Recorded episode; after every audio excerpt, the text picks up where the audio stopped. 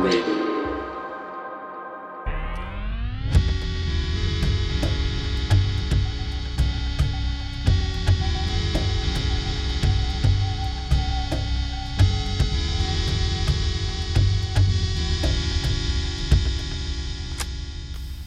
Idapoliitika.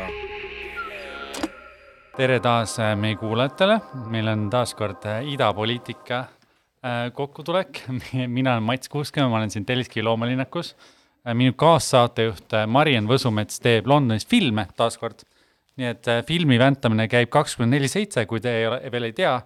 Nii et temast me täna ei kuule, aga meil on täna väga vinge CV-ga saatekülaline. ja enne, kui ma teda tutvustan teile, ma natuke võib-olla võtan kokku eelmise saate, sest alati ei ole aega seda, seda teha, sest on nii palju huvitavat rääkida, nii palju huvitavat küsida eelmises saates käis meil külas Lavly Perling, kes on siis äh, äsja Isamaa erakonnast välja visatud ja siis üks parempoolsete liikumise juhtfiguure. ja võib-olla üks üldse, miks see teema nagu oluline on, et, et ma arvan, et paljud ida, ida raadiokuulajad ei ole võib-olla Isamaa valijad tõenäoliselt ja ega Isamaa fraktsioonide toetajad. aga eelmistel valimistel, kes pani tähele, sai Eesti kakssada neli koma viis protsenti hääli. ja see oli ka üks põhjus, miks üldse tekkis selline matemaatika olukord, et sai äh, said tekkida EKREIKE valitsus. et äh, kui Eesti kakssada oleks sinna sisse saanud, siis seda võib-olla, vähemasti oleks palju raskem olnud seda läbi viia.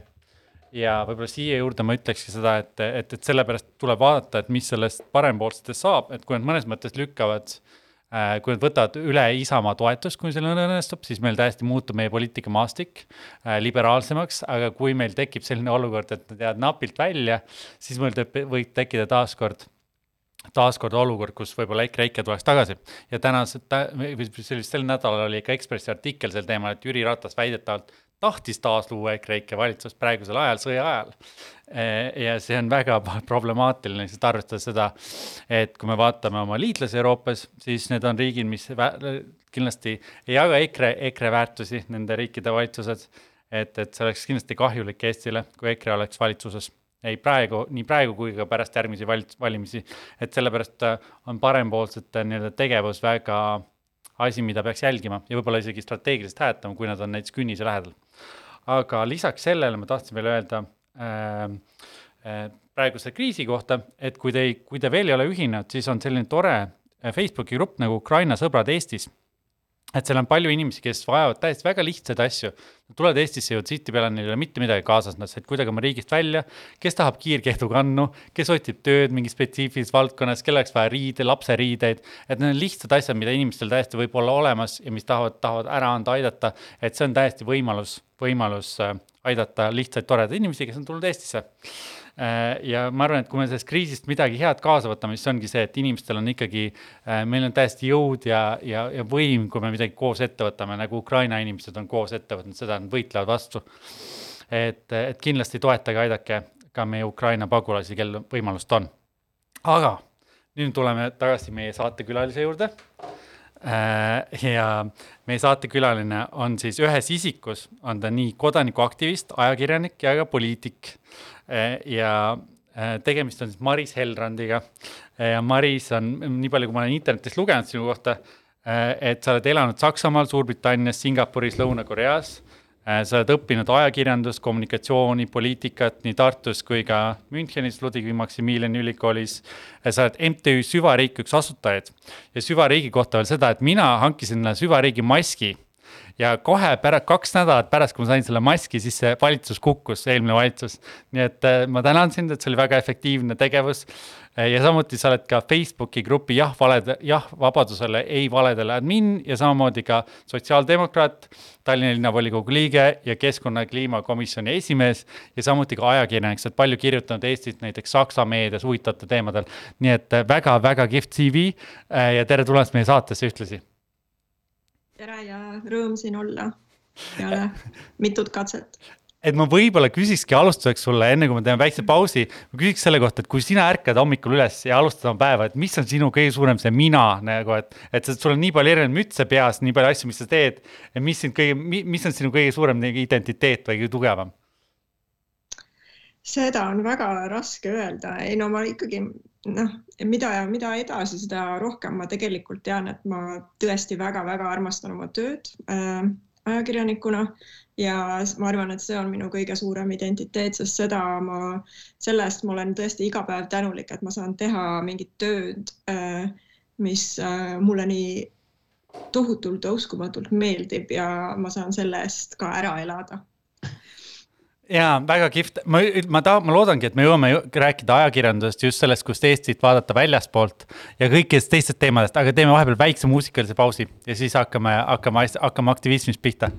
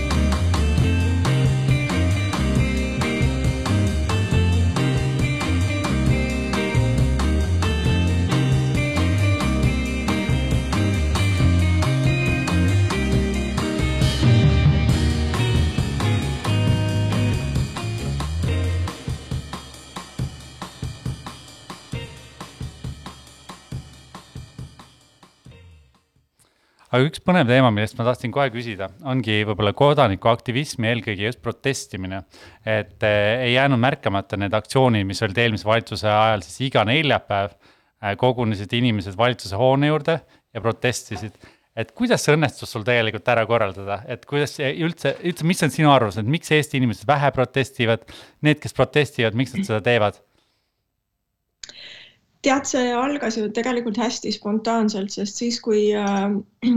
Ratas alustas äh, kõigile üllatuseks neid koalitsiooni läbirääkimisi, siis äh, oli noh, esiteks oli sotsiaalmeedia täis äh, seda ahastust ja uskumatust, et nagu mis ometi toimub, miks inimesed ei ole tänaval äh,. nii ei saa, seda ei tohi juhtuda. ja mina sain ka hästi palju kirju, et nagu miks miks kõik ei ole tänaval. see no mis, mil, kellel on sellest kasu, kui ma ka ühe sellise postituse teen, et miks kõik ei ole tänaval. nii et ma äh, siis selle asemel ma tegingi, see oli enam-vähem täpselt kolm aastat tagasi, üheksateist märts minu meelest. Äh, kirjutasin äh, paarile sõbrale, et homme lähme, sest läb, koalitsiooni läbirääkimised toimusid, eks ole, Stenbocki majas, mis oli väga ma ei tea, kas teadlikult, aga väga efektiivselt valitud taktika, et sa nägid iga õhtu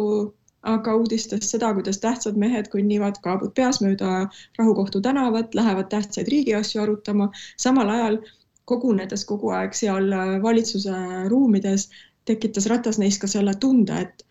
aa, me, meie kuulume siia, on ju, et see noh, sul on väga raske nagu sellest, ühesõnaga see motivatsioon see ära teha kasvas iga päevaga. Ja, ja samal ajal äh, see, selle asja toimumine, selle käsitlemine meedias normaliseeris seda iga päevaga. Ja tulles äh, ise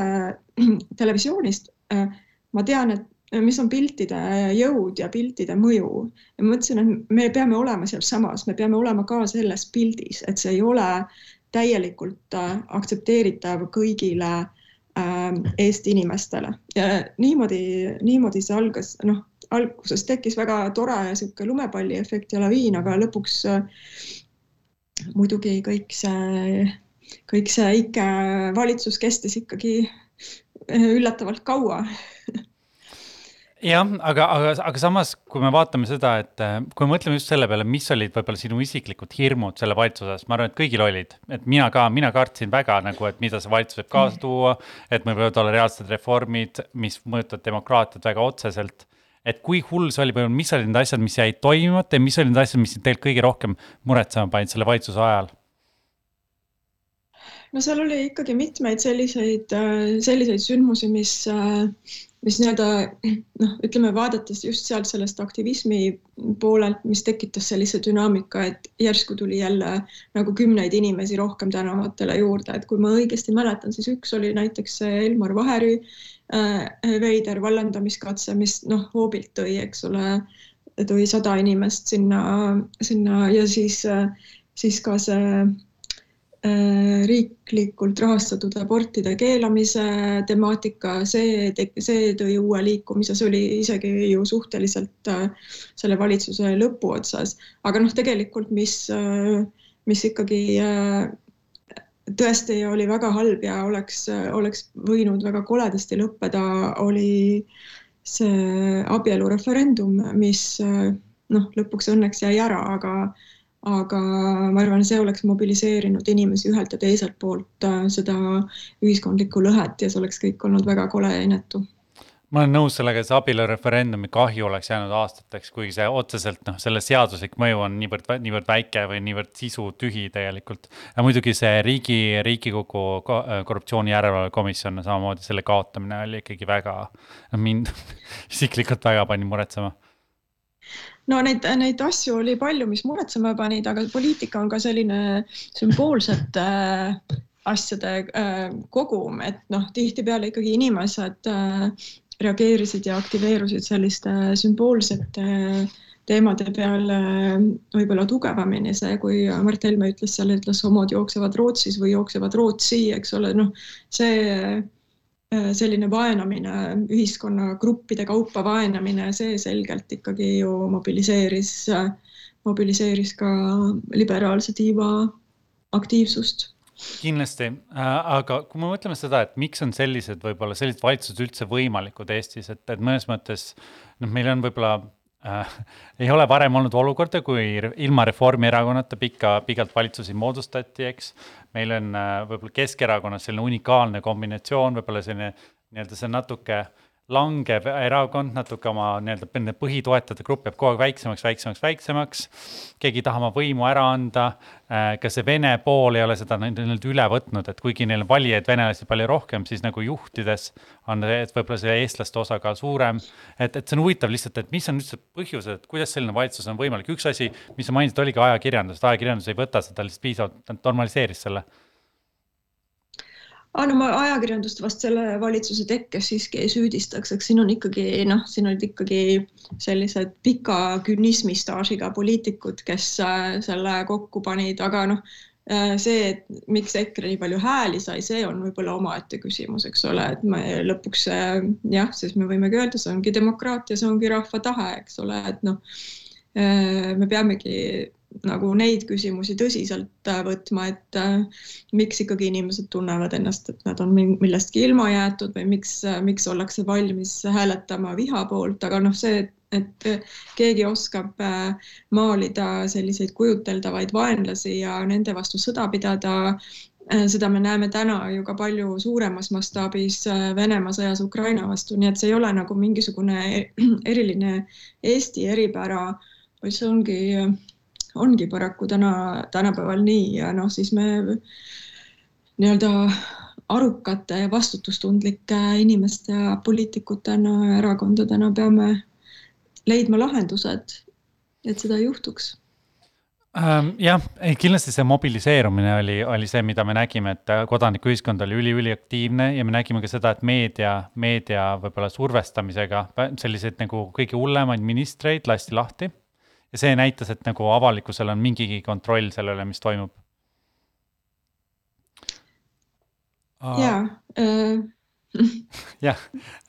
aga, aga kui selle teema kokku võtta lihtsalt, et, et, et me jällegi, me peaks nagu justkui midagi olema õppinud, aga samas meil oli praegu on ju Ekspressi artikkel see nädal, et et peaaegu oleks tulnud selline valitsus tagasi, kui oleks olnud paar, paar häält veel. Et mis sa peaks tegema? Mis on sinu retsept no me peaksime kindlasti tegema kõik, et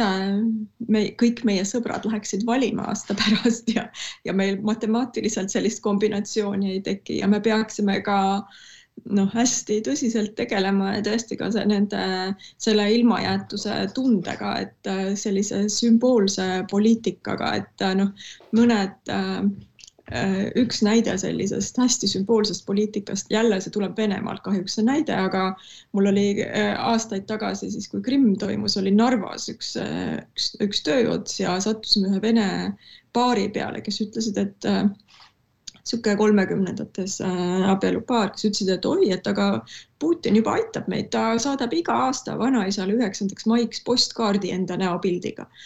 et äh, noh, ja samal ajal, eks sellele vastukaaluks see, et Kersti Kaljulaid oli, äh, oli Narvas kuu aega, jättis inimestele kustumatu jälje, eks ole, aga ta oleks pidanud tegema ka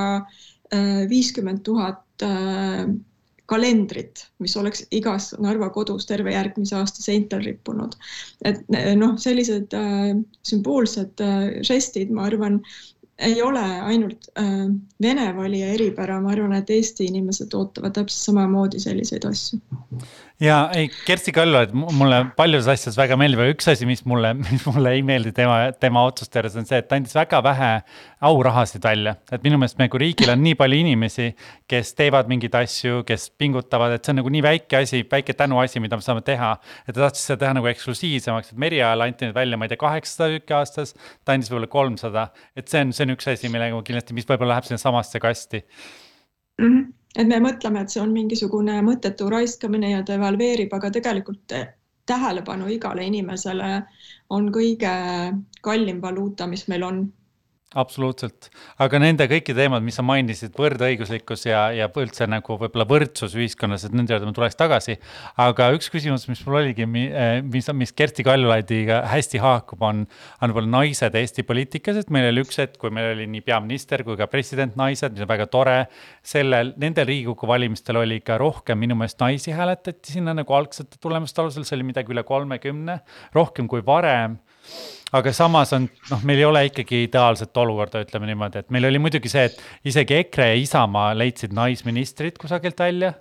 Äh, mitte kõige geniaalsemad võib-olla kõikides aspektides, aga, aga võib-olla üldse, et mida sina, kuidas sina tunnetad nagu nais, nai-, nii-öelda nai-, naiste teema, teemasid Eesti poliitikas? See on hästi kompleksne ja see on väga-väga naljakas tegelikult mõnes mõttes, et öelda, et jah, meil oli äh, naispresident ja naispeaminister korraga, siis samas äh, seesama naispresident oli see, kes ütles, et ma ei ole feminist. et äh, minu meelest äh, täna ükski progressiivne inimene, ei mees ega naine ei tohiks niimoodi öelda, ma arvan, et äh, sest see, mida see tähendab, me ise loome seda tähendust välja ja see tähendab võrdseid võimalusi, võrdseid õigusi, see ei tähenda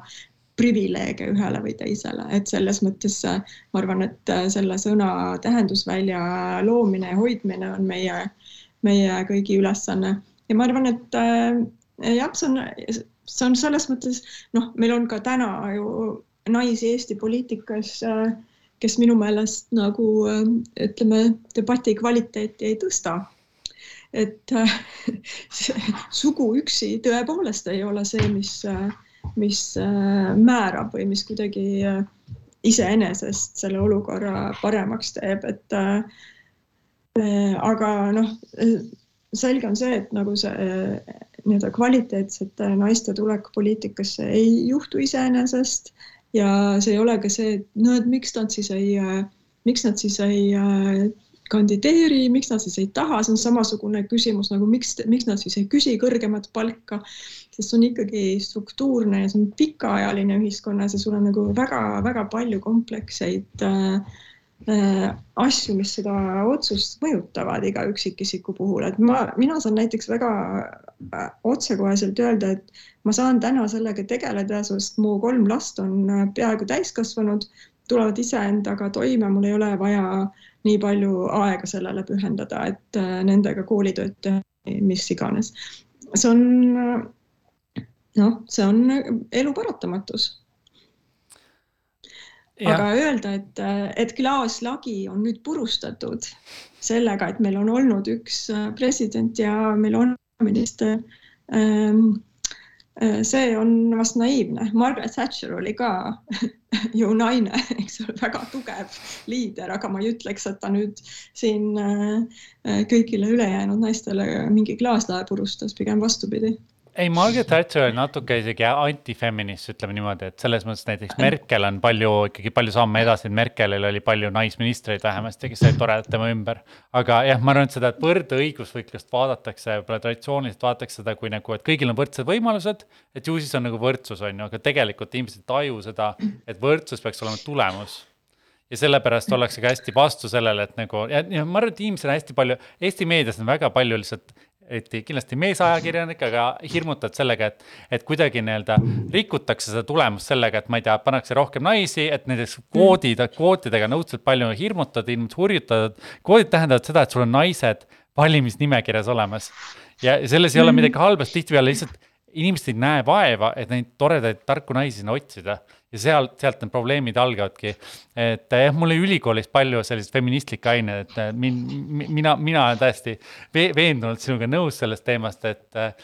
et jah et me kindlasti, meil on väga-väga pikalt veel minna selles, selles valdkonnas, et, et meil oleks nii-öelda võrdsemad tulemused ja paljud nii-öelda ikkagi võib-olla rohkem naiste teemad, kasvõi on ju meie ühine tuttav Natali Mets, kui ta rääkis oma tampooni mm kampaaniat tegi, on ju, siis seda nii-öelda naeruväärist vääristati, on ju,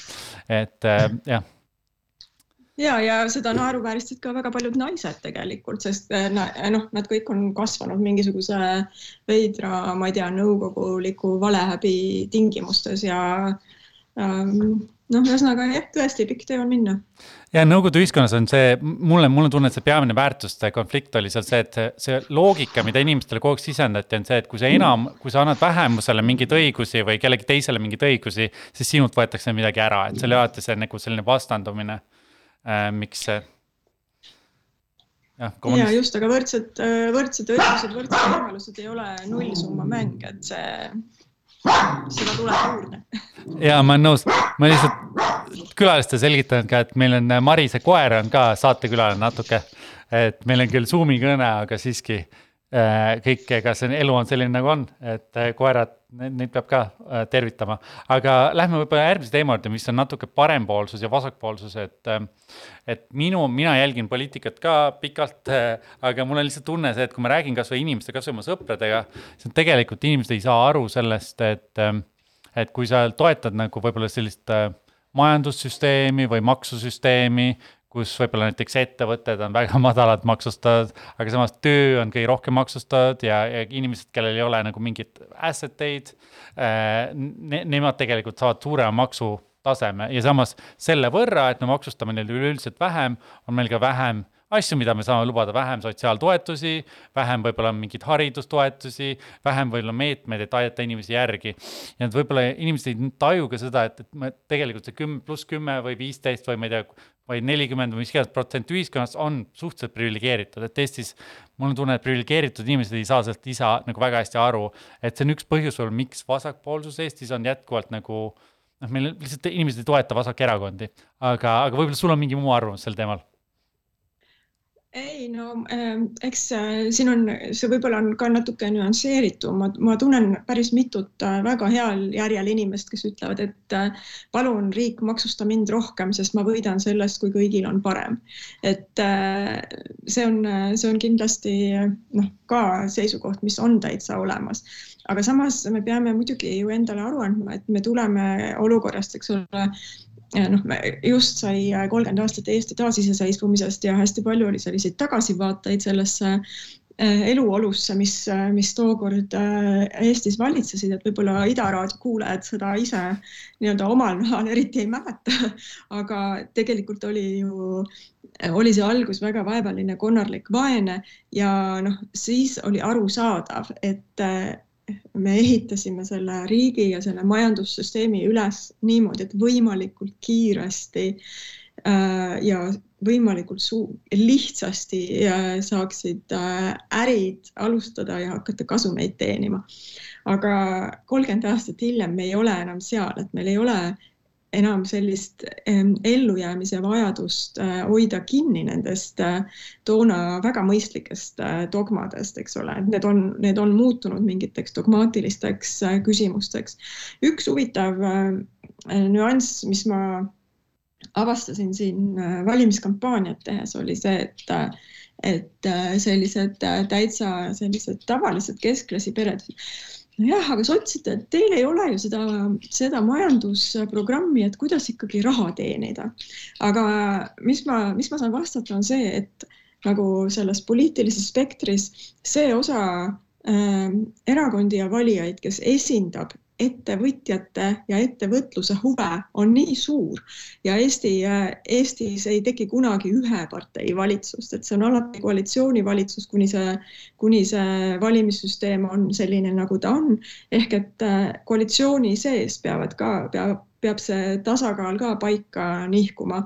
et äh, kui, kui äh, kui ka nii-öelda vasakul, tsentrist vasakul sotsiaaldemokraadid hakkaks ka ainult äh, vaatama, et kuidas ettevõtjatel oleks äh, nagu rohkem võimalik äh, raha teenida, siis, siis meil ei olegi, noh, siis me oleme täpselt seal käpuli, kus me oleme, et meil on need nii-öelda see alumine äh, Äh, mediaanist allpoole, allapoole ja siis jääva sissetulekuga inimestel on väga suur äh, pettumus ja ilmajäetustunne ja nemad valivad siis vastavalt sellele. Ja me kindlasti keegi, ka need kümme protsenti kõige jõukamaid ei taha, et nende elu üle otsustab, äh, otsustavad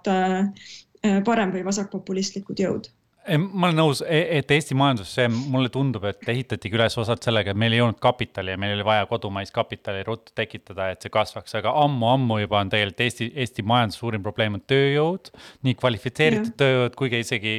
praktiliselt ka odav tööjõud, meil ei ole lihtsalt inimesi võtta. just võib-olla sellise keskmise kvalifikatsiooniga, kuna nii-öelda paremerakonnad ei luba ka nagu tuua Eestisse inimesi väljastpoolt. näiteks Ukraina, Ukraina, Ukraina keevitajaid peletati ära eelmise mhm. valitsusviis mm., eelmise valitsuse ajal mingi miljardine investeering Eestist ära. et selles mõttes see on ammu juba, see kese on kindlasti ammu muutunud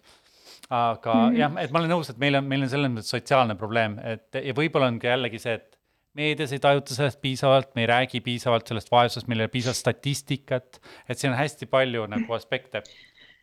ja no statistikat võib-olla on, aga statistika on anonüümne ja statistikal ei ole nägu, et äh, jah, meile meeldib vaadata ka suunamudijate äh, uusi äh, kostüüme ja uusi, äh, uut nina ja selliseid asju ja mitte, mitte rääkida sellest, kuidas, kuidas mõni pere Valga paneelmajas äh, toime tuleb, et äh, me muidugi tahame elada sellises illusioonide maailmas, aga noh, lõpuks ma arvan, et ja no vaadates noh, täna julgeolekuolukorras, kus me just täna, eks ole, pool miljardit panime juurde riigikaitsele, siis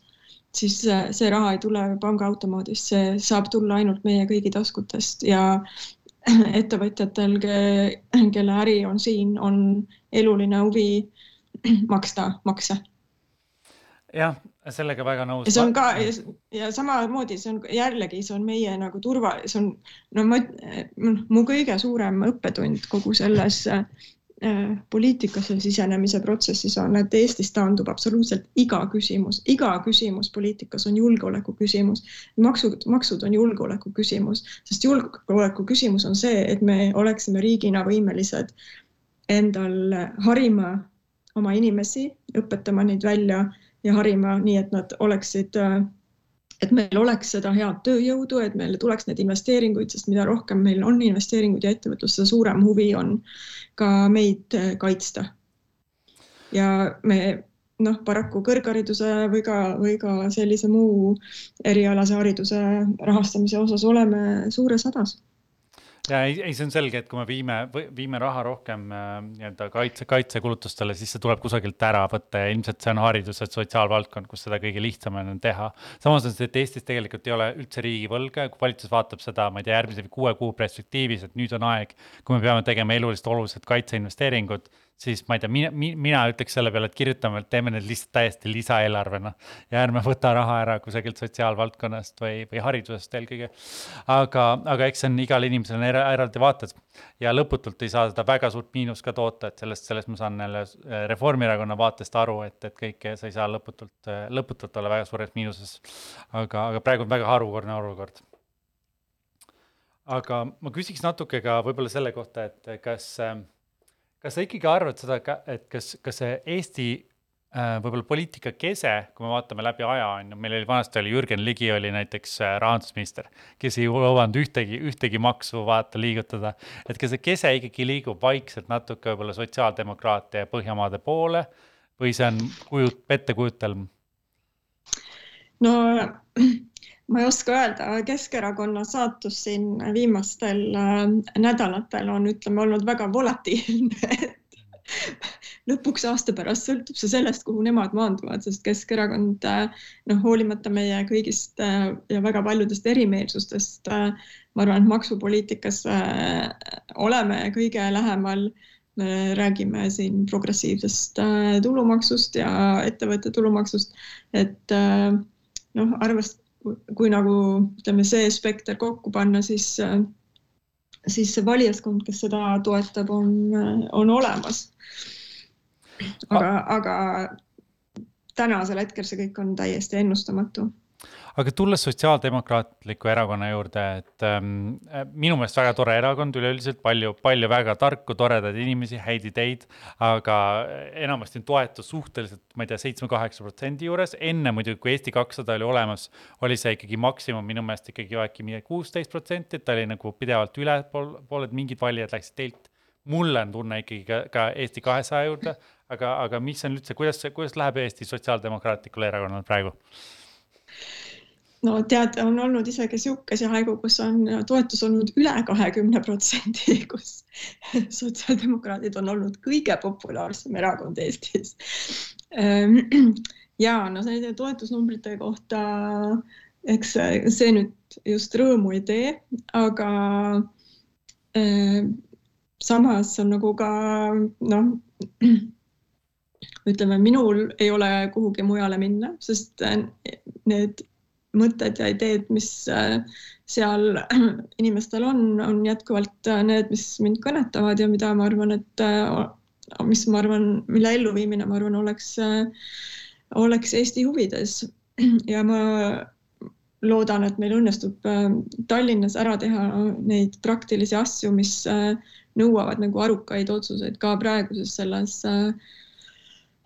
sõja naabruses elades ja nende tagajärgedega siin elades, et, äh, et äh, loodaks, et valija siis oskab ka seda märgata ja hinnata, aga eks see on see häda ka, et nagu sul on väga lihtne mingite vastuoluliste kõllidega tähelepanu saada, aga nagu korraliku tubli tööga pigem, pigem vähem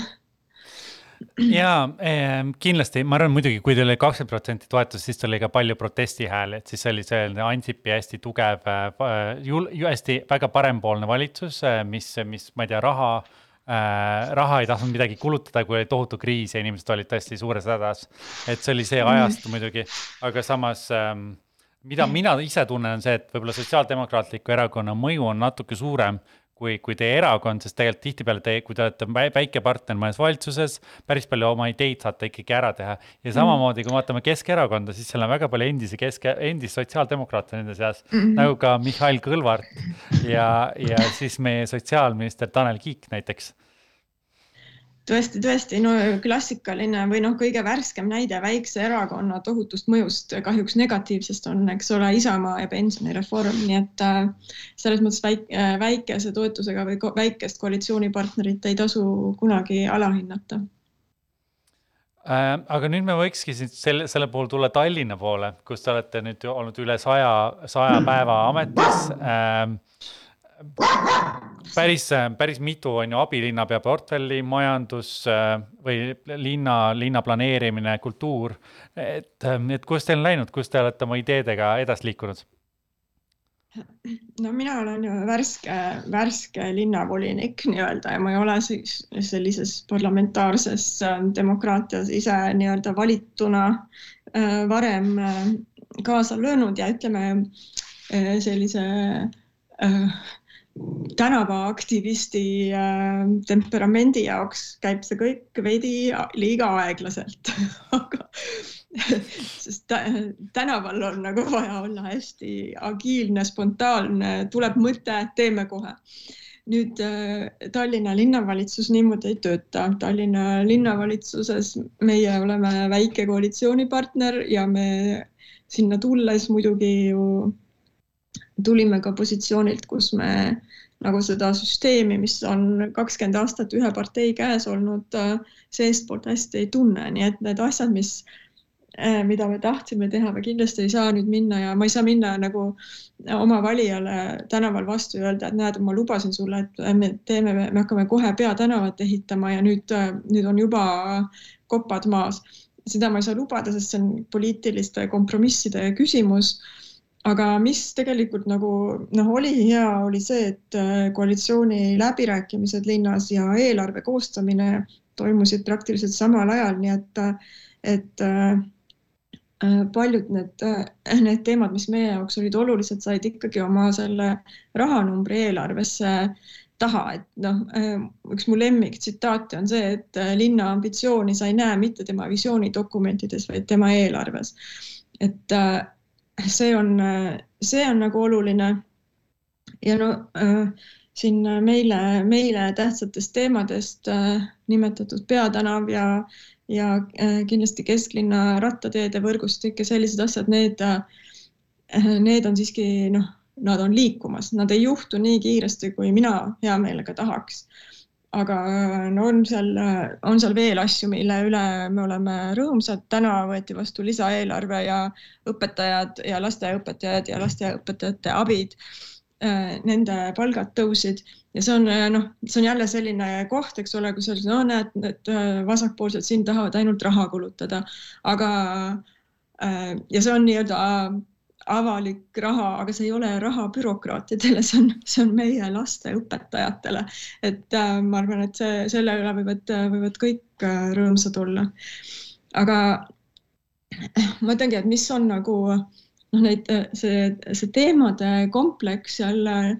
munitsipaalpoliitikas on äh, nii tohutult suur ja jällegi äh,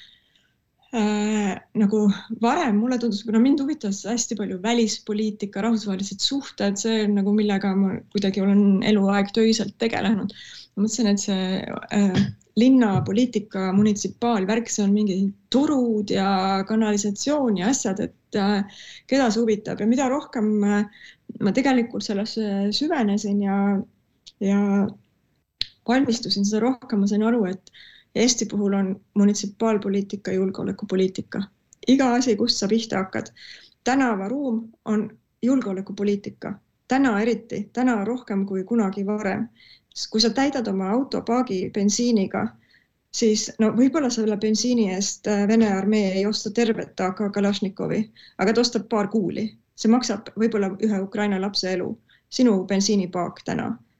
otsusta, et sa sõidad rattaga, aga see tähendab, et linn peab olema selline, et sul on rattaga turvaline sõita. Need on lihtsalt, need on need valikud, mis meie ees seisavad täna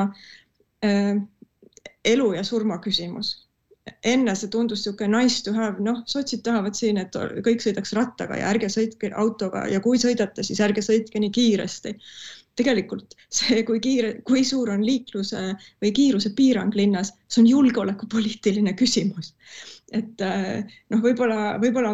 on mul väga raske seda oma valijale selgitada, eks ole, keegi ei,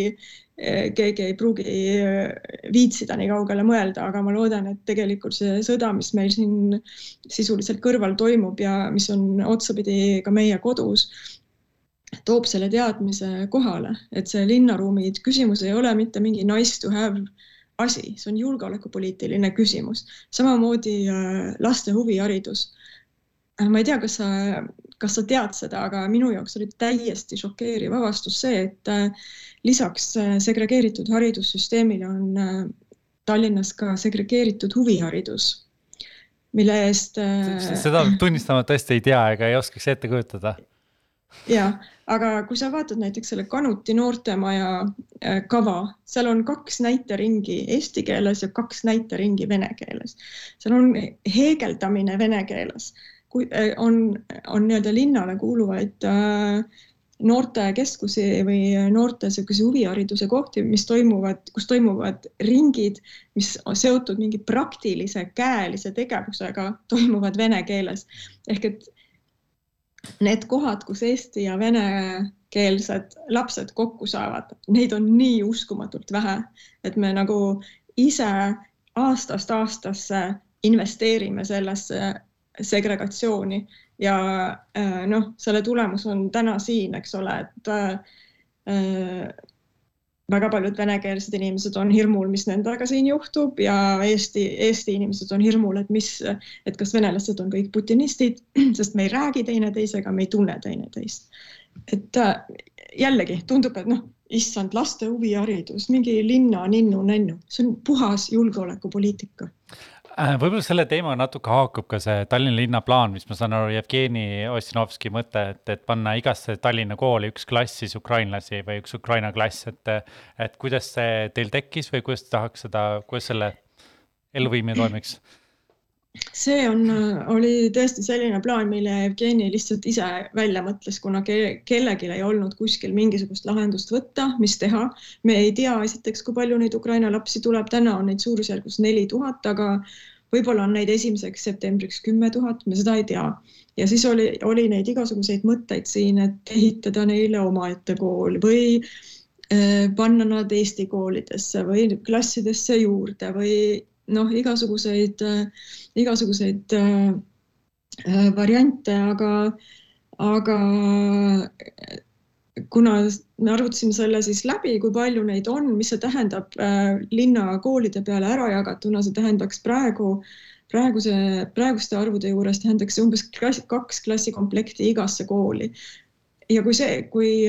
kui see niimoodi ära jagada, siis see on nagu hästi kergesti nii üles kui alla skaleeritav, et äh, kui tuleb, kui tuleb tõesti rohkem lapsi, siis noh, ei tapa sa seda kooli ära, kui sinna tuleb üks klassikomplekt veel juurde või kaks. ja, ja kui hakkab äh, neid vähemaks jääma, siis, äh, siis on see allapoole skaleeritav ja see on õiglane ja, ja, ja ka liht-, kõige lihtsamini tehtav, et keegi ei suuda hakata mingisugust kooli püsti panema aga noh, siin on, siin on väga palju selliseid teemasid, et noh, ütleme selline nagu väga sõjakas nõudmine, et nad peavad eesti keeles õppima, eh, on minu jaoks natukene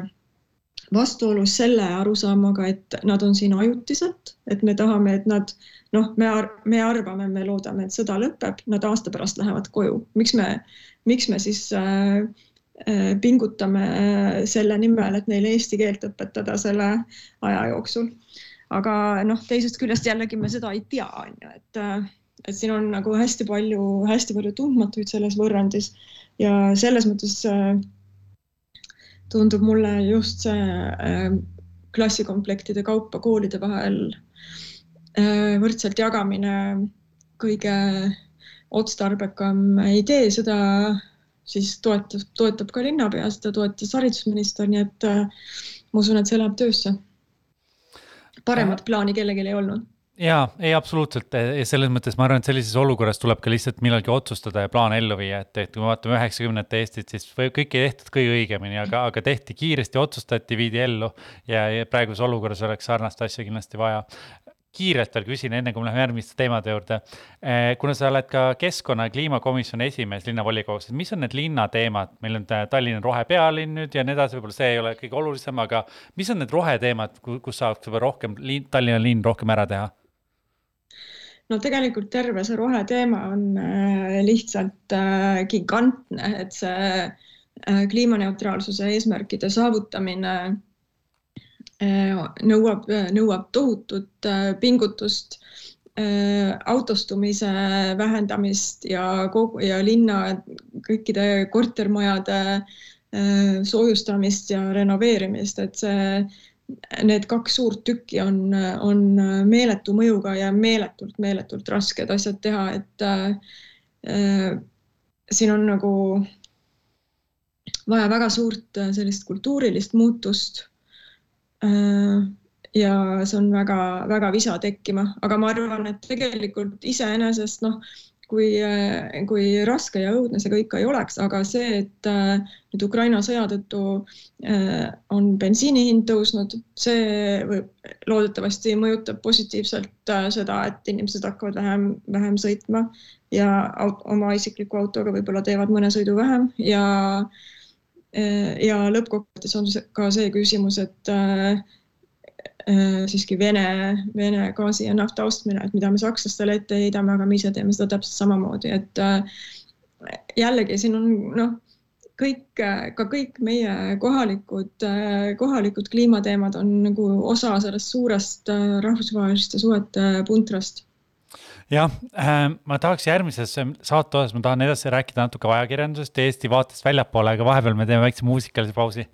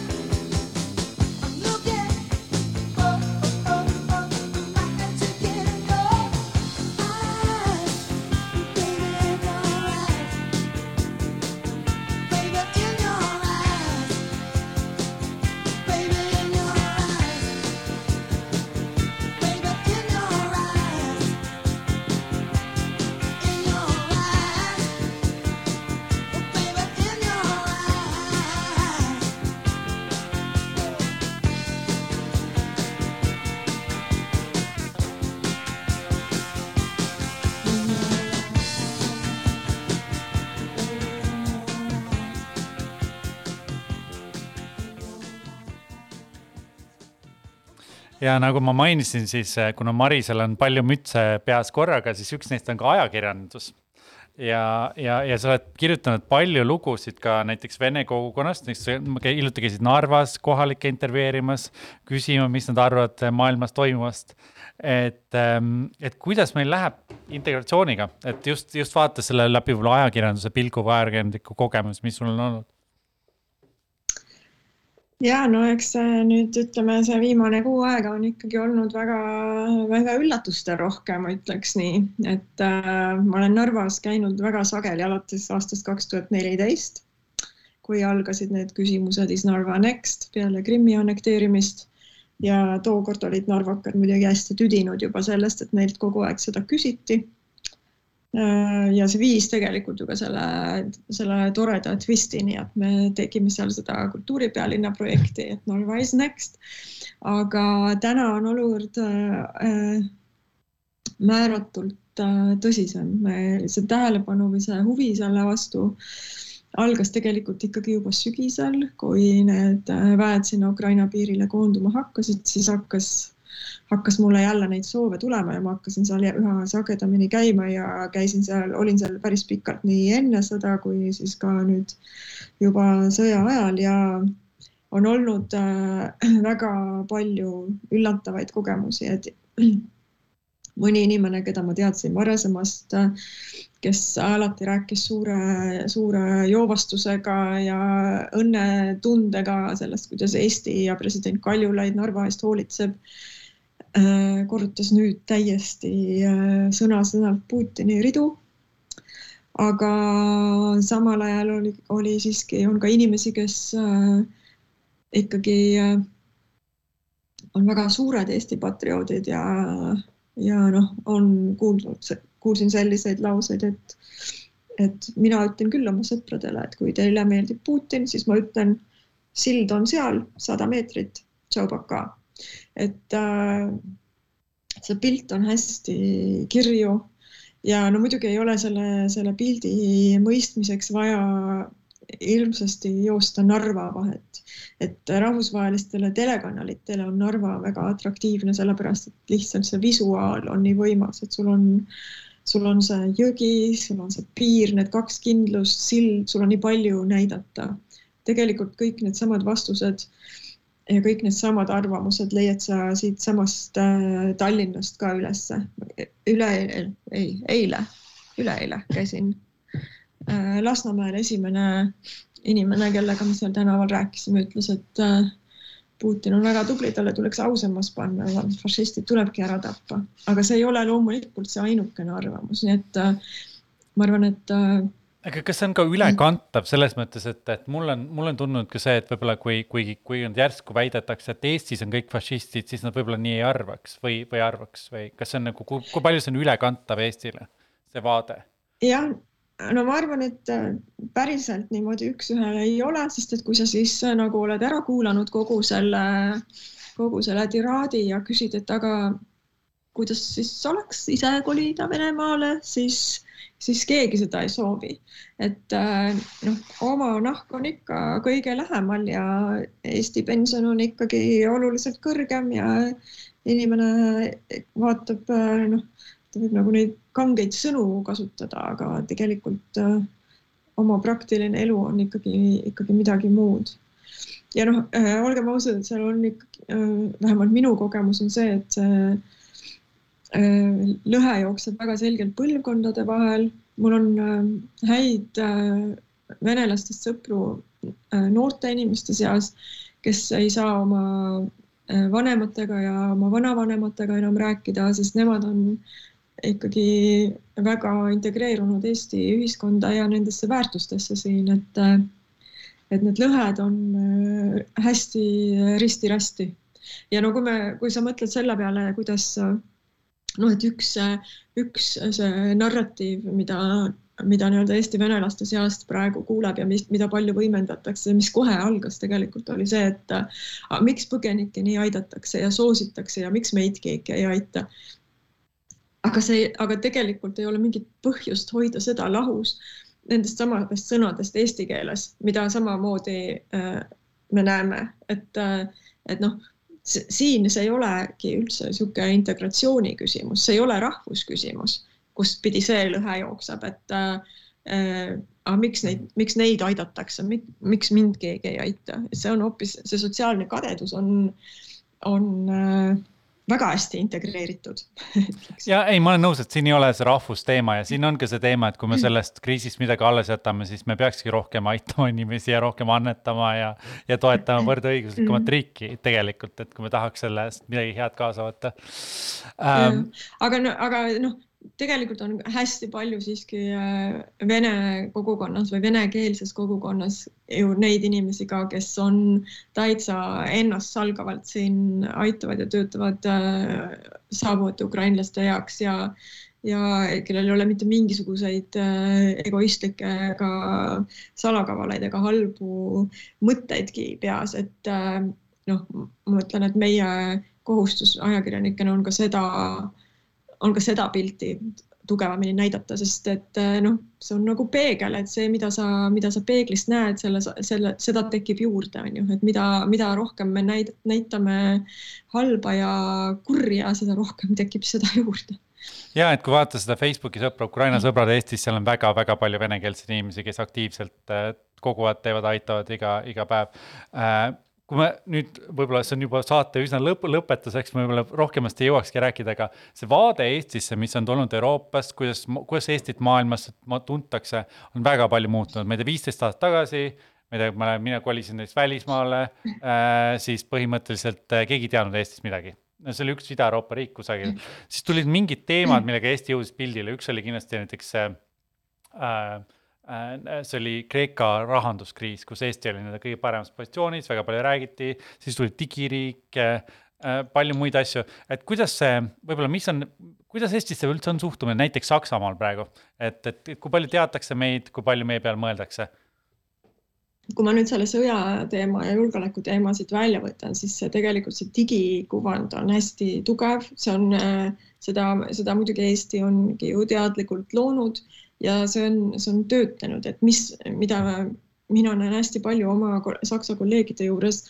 kui me võtame mingisuguse suure teema, näiteks kajastame äh, kajastame mingit asja a la kolmkümmend aastat peale Nõukogude Liidu lagunemist Balti riigid, siis mõeldakse, et aa, mis, millest me räägime Riia, Lätis, räägime vene vähemusest, millest me räägime Leedus, räägime, ma ei tea, kaitsest, millest me räägime Eestis, räägime digist. Et äh, digi on nagu alati või, või ükskõik, mis küsimus on meil või kui meil on, kui oli noh, pandeemia ja see distantsõpe on ju super jälle kõik küsisid, aga kuidas teie seda teete, tehke, rääkige midagi digist, et asjad, millest noh, mis meile on iseenesestmõistetavad ja mille üle me äh, tihti ju ka ise viriseme, on siiski äh, ütleme Kesk-Euroopa televaataja jaoks müstiline digiparadiis ja, ja, ja see on, see on, see on üks niisugune imago klots, mis on meile külge jäänud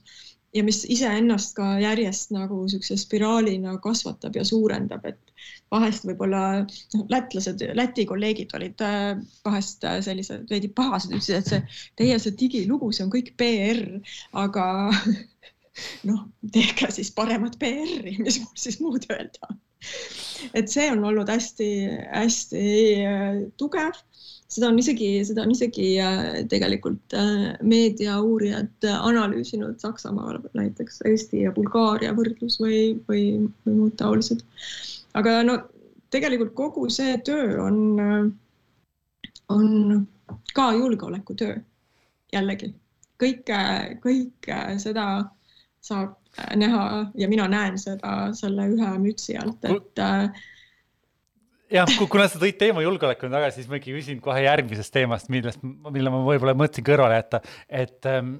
ütle seda, Saksamaa tegi väga suure pöörde, mida me tegelikult ei kujutanud ette, et Saksamaa hakkab kulutama kahele protsendile, kahte protsenti äh, kaitsele, hakkab Ukraina relvi andma, on täiesti, järsku oli nädalaga täiesti teine riik, et kuidas see, see juhtus? ma vaatasin äh, küsitlusi, et äh, veebruari keskel oli seitsekümmend viis protsenti sakslasi vastu sellele, et Ukrainasse relvi äh, saata. praegu on seitsekümmend viis protsenti poolt, et noh, ikkagi see, see on sõda, mis on enda, enda nahale ligidal. Ja ma arvan, et Saksa poliitika võikski natukene julgem olla, et minu meelest äh, need küsitlused ja arvamusuuringud näitavad seda, et äh, tegelikult äh, valijate seas on väga suur mõistmine ja toetus nii relvatarvete, tarnetele kui ka väga tugevatele energiasanktsioonidele. inimesed on reaalselt valmis äh, oma elustandardist äh, äh, loobuma selle nimel, et äh, see sõda lõpeks ja lõpeks nii, et ta päriselt lõpeks, mitte mingisuguses jah, see, selle, selle üsna positiivse noodiga me kahjuks lõpetame, oli tore sinuga rääkida. Maris, ma soovin sulle palju edu Tallinna linnavolikogus ka, et kõik asjad saaksid tehtud ja et, et sa saaksid ka julgeoleku teemades kaasa aidata läbi Tallinna linna. ja aitäh ka meie kuulajatele, andke kindlasti meile tagasisidet ja, ja kohtume teiega kahe nädala pärast. head aega. aitäh